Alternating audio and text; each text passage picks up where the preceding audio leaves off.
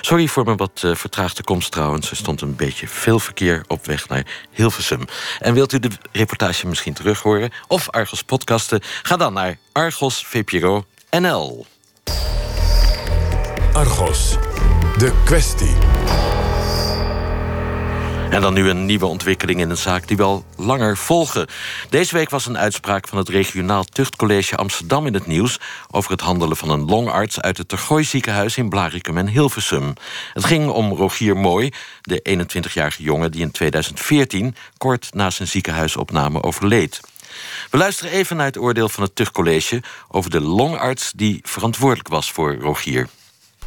Hij krijgt een waarschuwing opgelegd uh, omdat hij uh, niet de juiste zorg heeft verleend aan deze jonge patiënt toen die werd opgenomen. Hij is niet zelf naar deze patiënt gaan kijken. Dat had hij moeten doen. Um, maar daarnaast speelde ook de organisatie van het ziekenhuis uh, een grote rol bij het opleggen van deze maatregel. Namelijk de organisatie van het ziekenhuis was niet goed genoeg. En dat was mevrouw Dozie, de persrechter. Wat betekent die uitspraak en waar ging de zaak ook alweer over? Daarvoor is Argos-redacteur Sanne Boer aangeschoven. U hoorde haar al in het begin van het uur. En zij bracht het overlijden van Rogier en de behandeling in het ziekenhuis als eerste naar buiten. Sanne, wat was het verhaal van Rogier ook alweer? Nou, zoals je zei uh, al eerder, Rogier was een hele jonge jongen. Hij kwam rond 12 uur op de eerste hulp aan met erge pijn op zijn borst, zijn schouders. Hij, was, uh, nou, hij zag asgrauw uit. Hij is daar bekeken door een uh, leerlingarts, een artsassistent. En zij had een ja, onheimisch gevoel. En ze dacht wel, dit is waarschijnlijk een klaplong. Ze heeft overleg gepleegd met haar uh, supervisor, zoals dat heet. Dat is een specialist onder wiens verantwoordelijkheid zij viel. De leermeester. Ja, exact. En die oordeelde op afstand over de telefoon dat het in ieder geval geen klaplong was. Maar ja, wat, wat het dan wel was, dat is toen niet verder onderzocht. Er werd besloten om hem op te nemen op de andere locatie in Hilversum. En nou, daar was hij rond een uur of half vijf. En vanaf dat moment hebben verpleegkundigen... Ja, die, die konden een andere artsassistent uh, zien en, en spreken. Uh, dat hebben ze ook gedaan. In de avond hebben ze meerdere keren gebeld met... Uh, de artsassistent. Die is niet gekomen omdat hij het heel erg druk had. En ja, uiteindelijk is hij ochtends vroeg uh, in het ziekenhuisbed uh, dood aangetroffen. Dus feitelijk kan je zeggen, hij is uh, ja, overleden zonder dat er een diagnose was, zonder dat een specialist hem had gezien. En uiteindelijk lag hij ook niet aan de bewaking. Hij is bij obducties eigenlijk gebleken dat het niet zijn longen waren, maar dat het zijn hart was. En dat hij een ontstoken hartzakje had. Als ik me goed herinner, Sanne, was dit ook de kwestie waarin sprake was van een zwijgcontract, hè? Ja, we hebben vorig jaar, toen we dit verhaal naar buiten brachten... ook onthuld dat het de Gooi ziekenhuis... de moeder van Rogier een zwijgcontract had laten tekenen. Het ziekenhuis wilde duidelijk niet dat het overlijden van Rogier naar buiten kwam. En er stond eigenlijk ook in het contract... dat uh, de familie geen tuchtklacht mocht indienen tegen artsen uit het ziekenhuis. En een aangifte die ze bij het Openbaar Ministerie moesten, uh, hadden gedaan, die moesten ze intrekken. Dus ja, alles moest binnen kamers blijven. Nou ja, dat is uiteindelijk niet gelukt, dat uh, binnenskamers houden, want het is tot een tuchtzaak gekomen. Hoe is dat in zijn werk gegaan? Nou, de tuchtklacht is uiteindelijk niet door de familie ingediend, maar door de inspectie voor de gezondheidszorg.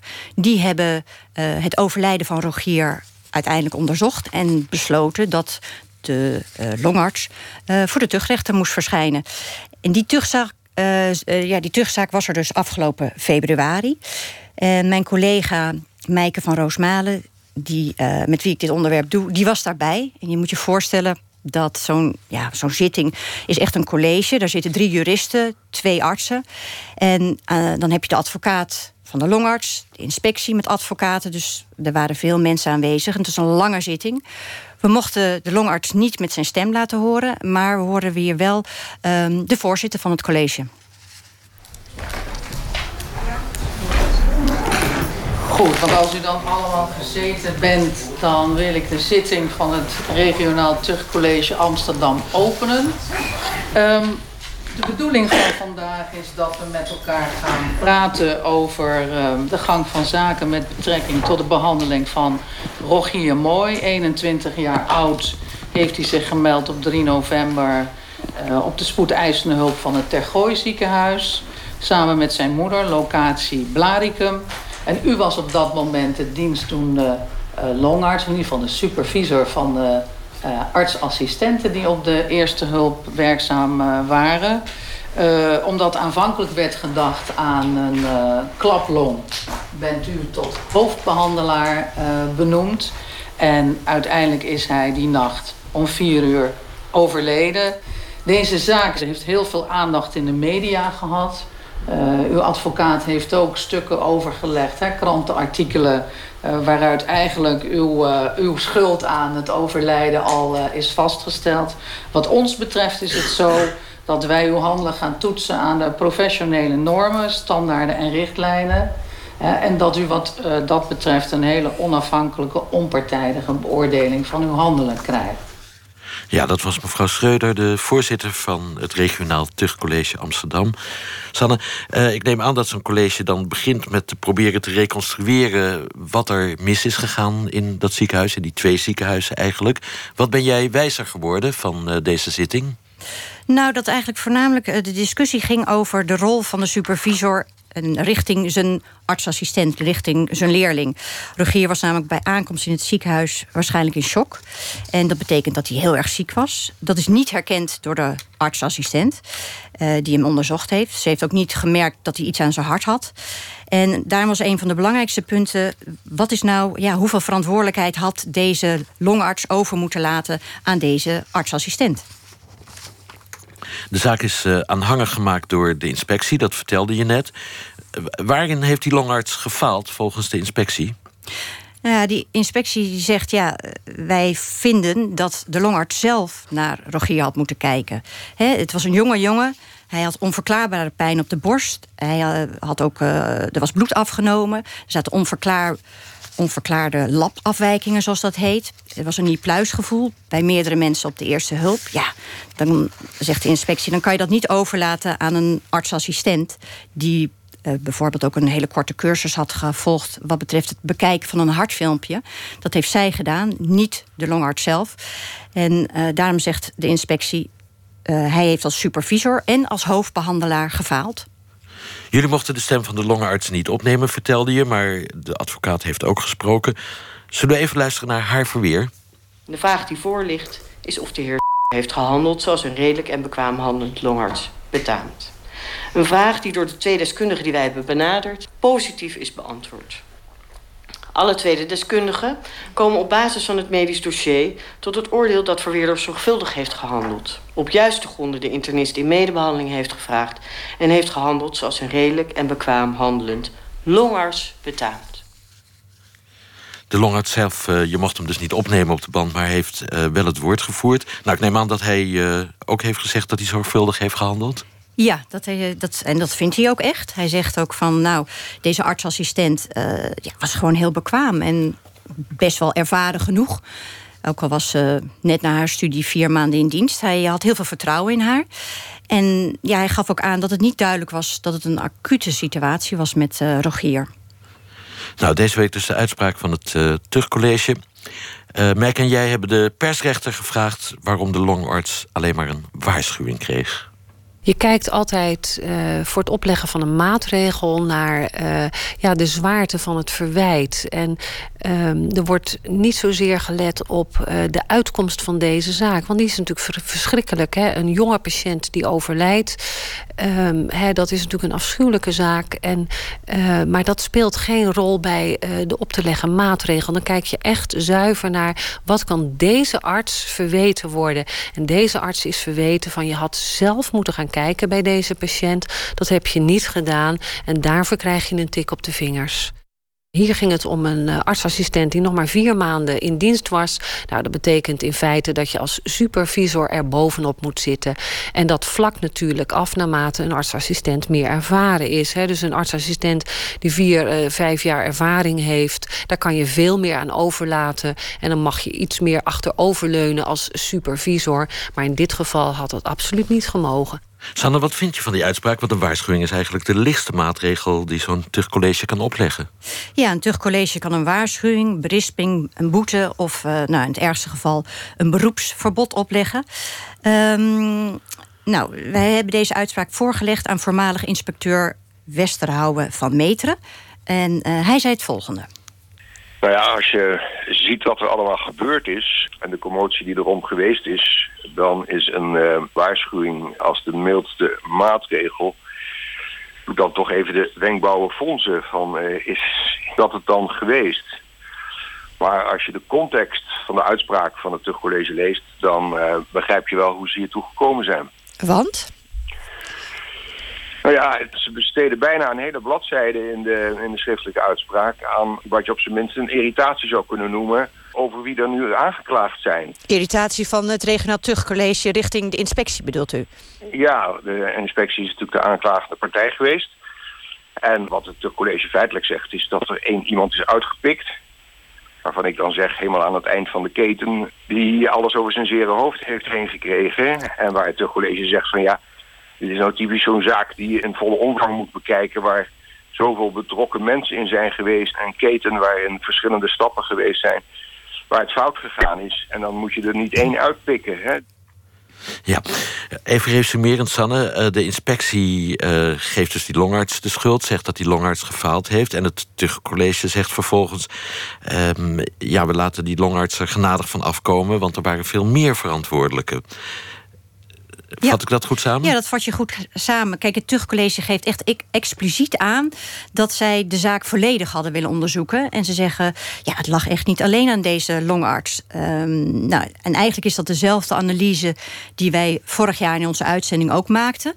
Um, wij gaven ook aan dat het ja, meerdere mensen bij betrokken zijn geweest... meerdere fouten zijn gemaakt. In de overdracht, de drukte, foute inschatting. En ja, het hele functioneren van het ziekenhuis... Eh, klopte gewoon niet. Dus in die zin klopt zou je zeggen, komt dat overeen met wat we zelf al hadden uh, geanalyseerd. Wat we ook in onze uitzendingen hadden, was uh, dat het overlijden, hè, als je plotseling overlijdt in een ziekenhuis, dan moet je dat melden aan de inspectie. Dat had Tergooi niet gedaan. En vervolgens zou je zeggen van nou, ja, hoe, hoe kan dat nou? Waarom meldt een ziekenhuis nou niet dat er een calamiteit heeft plaatsgevonden? Daar hebben we toen ook over gehad. En uh, Westerhouwer van Meteren heeft aangegeven... ja, kijk, de inspectie speelt daarbij ook een hele belangrijke uh, rol. En daar zegt hij nu in dit geval ook iets over. Ja, als je nu één iemand uh, eruit ligt... En alleen de longarts? alleen de longarts, dan roep je als inspectie over je af... dat er überhaupt geen calamiteiten meer gemeld worden. En dat kan ik me dan ook heel goed voorstellen. Want je wordt niet terecht behandeld. De casus wordt niet in volle omvang bekeken. Nee, alleen jouw dingetje wordt eruit gelicht en barbertje moet hangen. Ja, Van Meteren dus uh, nogmaals. Um, Zo'n uitspraak leidt ook altijd jurisprudentie. Wat voor gevolgen gaat deze uitspraak van het Tuchtcollege krijgen, denk je? Nou, vooropgesteld, hè, het is voor de familie heel zwaar, lijkt mij... als, je je zoon of je, je broer verliest. Voor de longarts en voor andere artsen uit het ziekenhuis... Uh, ja, dit zal de rest van hun leven ook wel bijblijven. Uh, maar de longarts die krijgt dus een waarschuwing... dat zal niet ergens geregistreerd worden. Hij kan ook nog in een hoger beroep gaan. We hebben hem daar ook over gevraagd. Hij wil uh, verder geen commentaar leveren, dus dat weten we niet of hij dat gaat doen. De inspectie kan ook nog in hoger beroep gaan. Um, maar ze beraden zich daar nog op. Ze hebben ons wel laten weten dat uh, het feit dat ze maar één arts voor het tuchtrecht hebben gebracht dat het bewust is gedaan. Want uh, ze hebben gezegd van, nou, we hebben onderzoek gedaan naar het overlijden van Rogier. Wij vinden gewoon dat de hoofdbehandelaar in deze, de longarts, dat die daar meest verantwoordelijk voor is. Uh, dat gaat dus eigenlijk lijnrecht in van wat het tuchtcollege vindt. Het is misschien ook wel belangrijk te benadrukken dat het Tuchtcollege deze zaak heel belangrijk vindt. Omdat ze zeggen van nou, we hebben in het verleden, en we zien keer op keer dat het gebeurt, zien we steeds dat er fouten ontstaan omdat er zoveel verantwoordelijkheid wordt overgelaten aan, of zoveel verantwoordelijkheid wordt gegeven aan artsassistenten. En dat daardoor fouten ontstaan. Nou, zij zeggen deze uitspraak van deze zaak, ja, hopen ze dat die natuurlijk heel veel leer lering biedt voor de rest van uh, de medische wereld. We hebben hoogleraar Veiligheid in de Zorg Jan Klein... hebben we ook de uitspraak voorgelegd. En hij is het eens met het Tuchtcollege. Hij geeft aan dat uh, het met name ook niet alleen de longarts is... maar echt de, het, het organisatorische, uh, de organisatie van het ziekenhuis zelf. En hij geeft een voorbeeld. De situatie waar Rogier ingekomen is... is naar mijn idee ook veroorzaakt door het feit dat er geen specialist, medisch specialist, in de nacht in huis was. Ik denk dat als je over patiëntveiligheid spreekt, dat dat ook moet veranderen. Dat er in Nederland gewoon dat de specialisten aanwezig zijn, ook s'nachts. Niet allemaal, maar wel een paar uh, vertegenwoordigers van specialismen zoals uh, intensivisten of de anesthesioloog die acute problemen op kunnen vangen.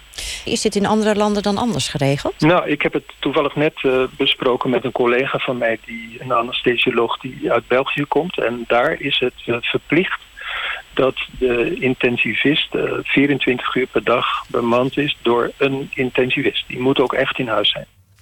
Ja, dus uh, Klein zegt eigenlijk... het probleem zit erin dat uh, er te veel gedelegeerd wordt. Er moet echt een supervisor ook in het ziekenhuis aanwezig zijn. Ja, dat is wel een kleine revolutie. Ik kan me voorstellen dat niet alle medisch specialisten daarop zitten te wachten. Ja, dag klopt. en nacht er moeten zijn. Ja, dat klopt. En dat beseft hij ook wel. Kijk, niet in alle, maar in heel veel ziekenhuizen zijn het de artsassistenten die s'nachts uh, de tent draaiende houden. En uh, Klein beseft dat niet iedereen staat te springen inderdaad om zo'n verandering uh, nou, te bewerkstelligen. Zeker niet de medisch specialisten. Overigens is hij zelf ook specialist, hij is anesthesioloog. Maar hij zegt ja, het is wel veel veiliger voor de patiënten. En in dit geval, hè, in het geval van Rogier, was het zo dat um, de artsassistent kon worden gebeld door de verpleging. Dat is dus gedaan. Maar ja, die artsassistent die had vijf maanden ervaring. En uh, die is uiteindelijk heeft hij ingeschat dat hij niet hoefde te komen bij Rogier. Heeft het uh, Tergooi ziekenhuis eigenlijk al gereageerd op de uitspraak van het Tuchtcollege? Ja, ze wilden geen interview geven, maar ze gaven wel een schriftelijke reactie. Ja, en zij zien uh, de uitspraak als een extra aansporing om verbeteringen in de organisatie door te voeren. Ze geven aan dat ze nou, een uh, aantal verbeteringen hebben doorgevoerd, eigenlijk behoorlijk wat. Maar ja, de vraag is natuurlijk, gebeurt dat ook echt? Kijk, dit was wel het ziekenhuis wat in eerste instantie het overlijden... Alles binnenboord wilde ja, houden. helemaal niks melden. En uiteindelijk ook nog een zwijgcontract heeft getekend. Dus ja, uh, ik, er moet heel wat veranderen, laat ik het zo zeggen.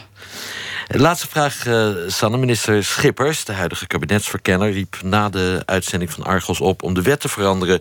zodat zwijgcontracten zoals Beter Gooi niet meer mogen. Ze riep ook iedereen op uh, te melden of je ooit zo'n zwijgcontract hebt getekend. Hoe loopt het daarmee? Ja, het ministerie van VWS die, uh, liet ons deze week weten dat ze uh, het onderzoek van de inspectie afwachten. Bij de inspectie zijn nu zo'n 50 meldingen binnengekomen van mensen die denken of zeggen dat ze zo'n zwijgcontract hebben uh, ondertekend. Nou, die worden één voor één bekeken en dan volgen de conclusies volgende maand, zegt de inspectie. En naar aanleiding daarvan zal ja, de volgende minister van VWS van Volksgezondheid actie gaan ondernemen. En dat is niet mevrouw Schippers, want die heeft al aangekondigd de politiek uit te gaan. Exact. Ik dank je dat je ons weer even hebt bijgepraat over uh, het tumult in het Tergooi ziekenhuis in Belaricum en Hilversum. Sanne Boer. Nou, dit was Argos voor deze zaterdag. Morgenavond meer onderzoeksjournalistiek bij Reporter Radio... over de veiligheid van zwembaden en de veiligheid in het verkeer. Van 7 tot 8 op NPO Radio 1. Volgende week zijn wij er weer met een onderzoek naar seksueel misbruik in de sportwereld. Over een trainer die een hele reeks slachtoffers maakte, maar nu toch weer als vrijwilliger werkt. Moet je zo iemand na een veroordeling een tweede kans geven of niet? Een moeilijk dilemma. We gaan het volgende week voor u oplossen. Straks Misha Blok met Radar. Het gaat onder meer over detoxproducten. Voel je schoon en energiek. Wie wil dat niet?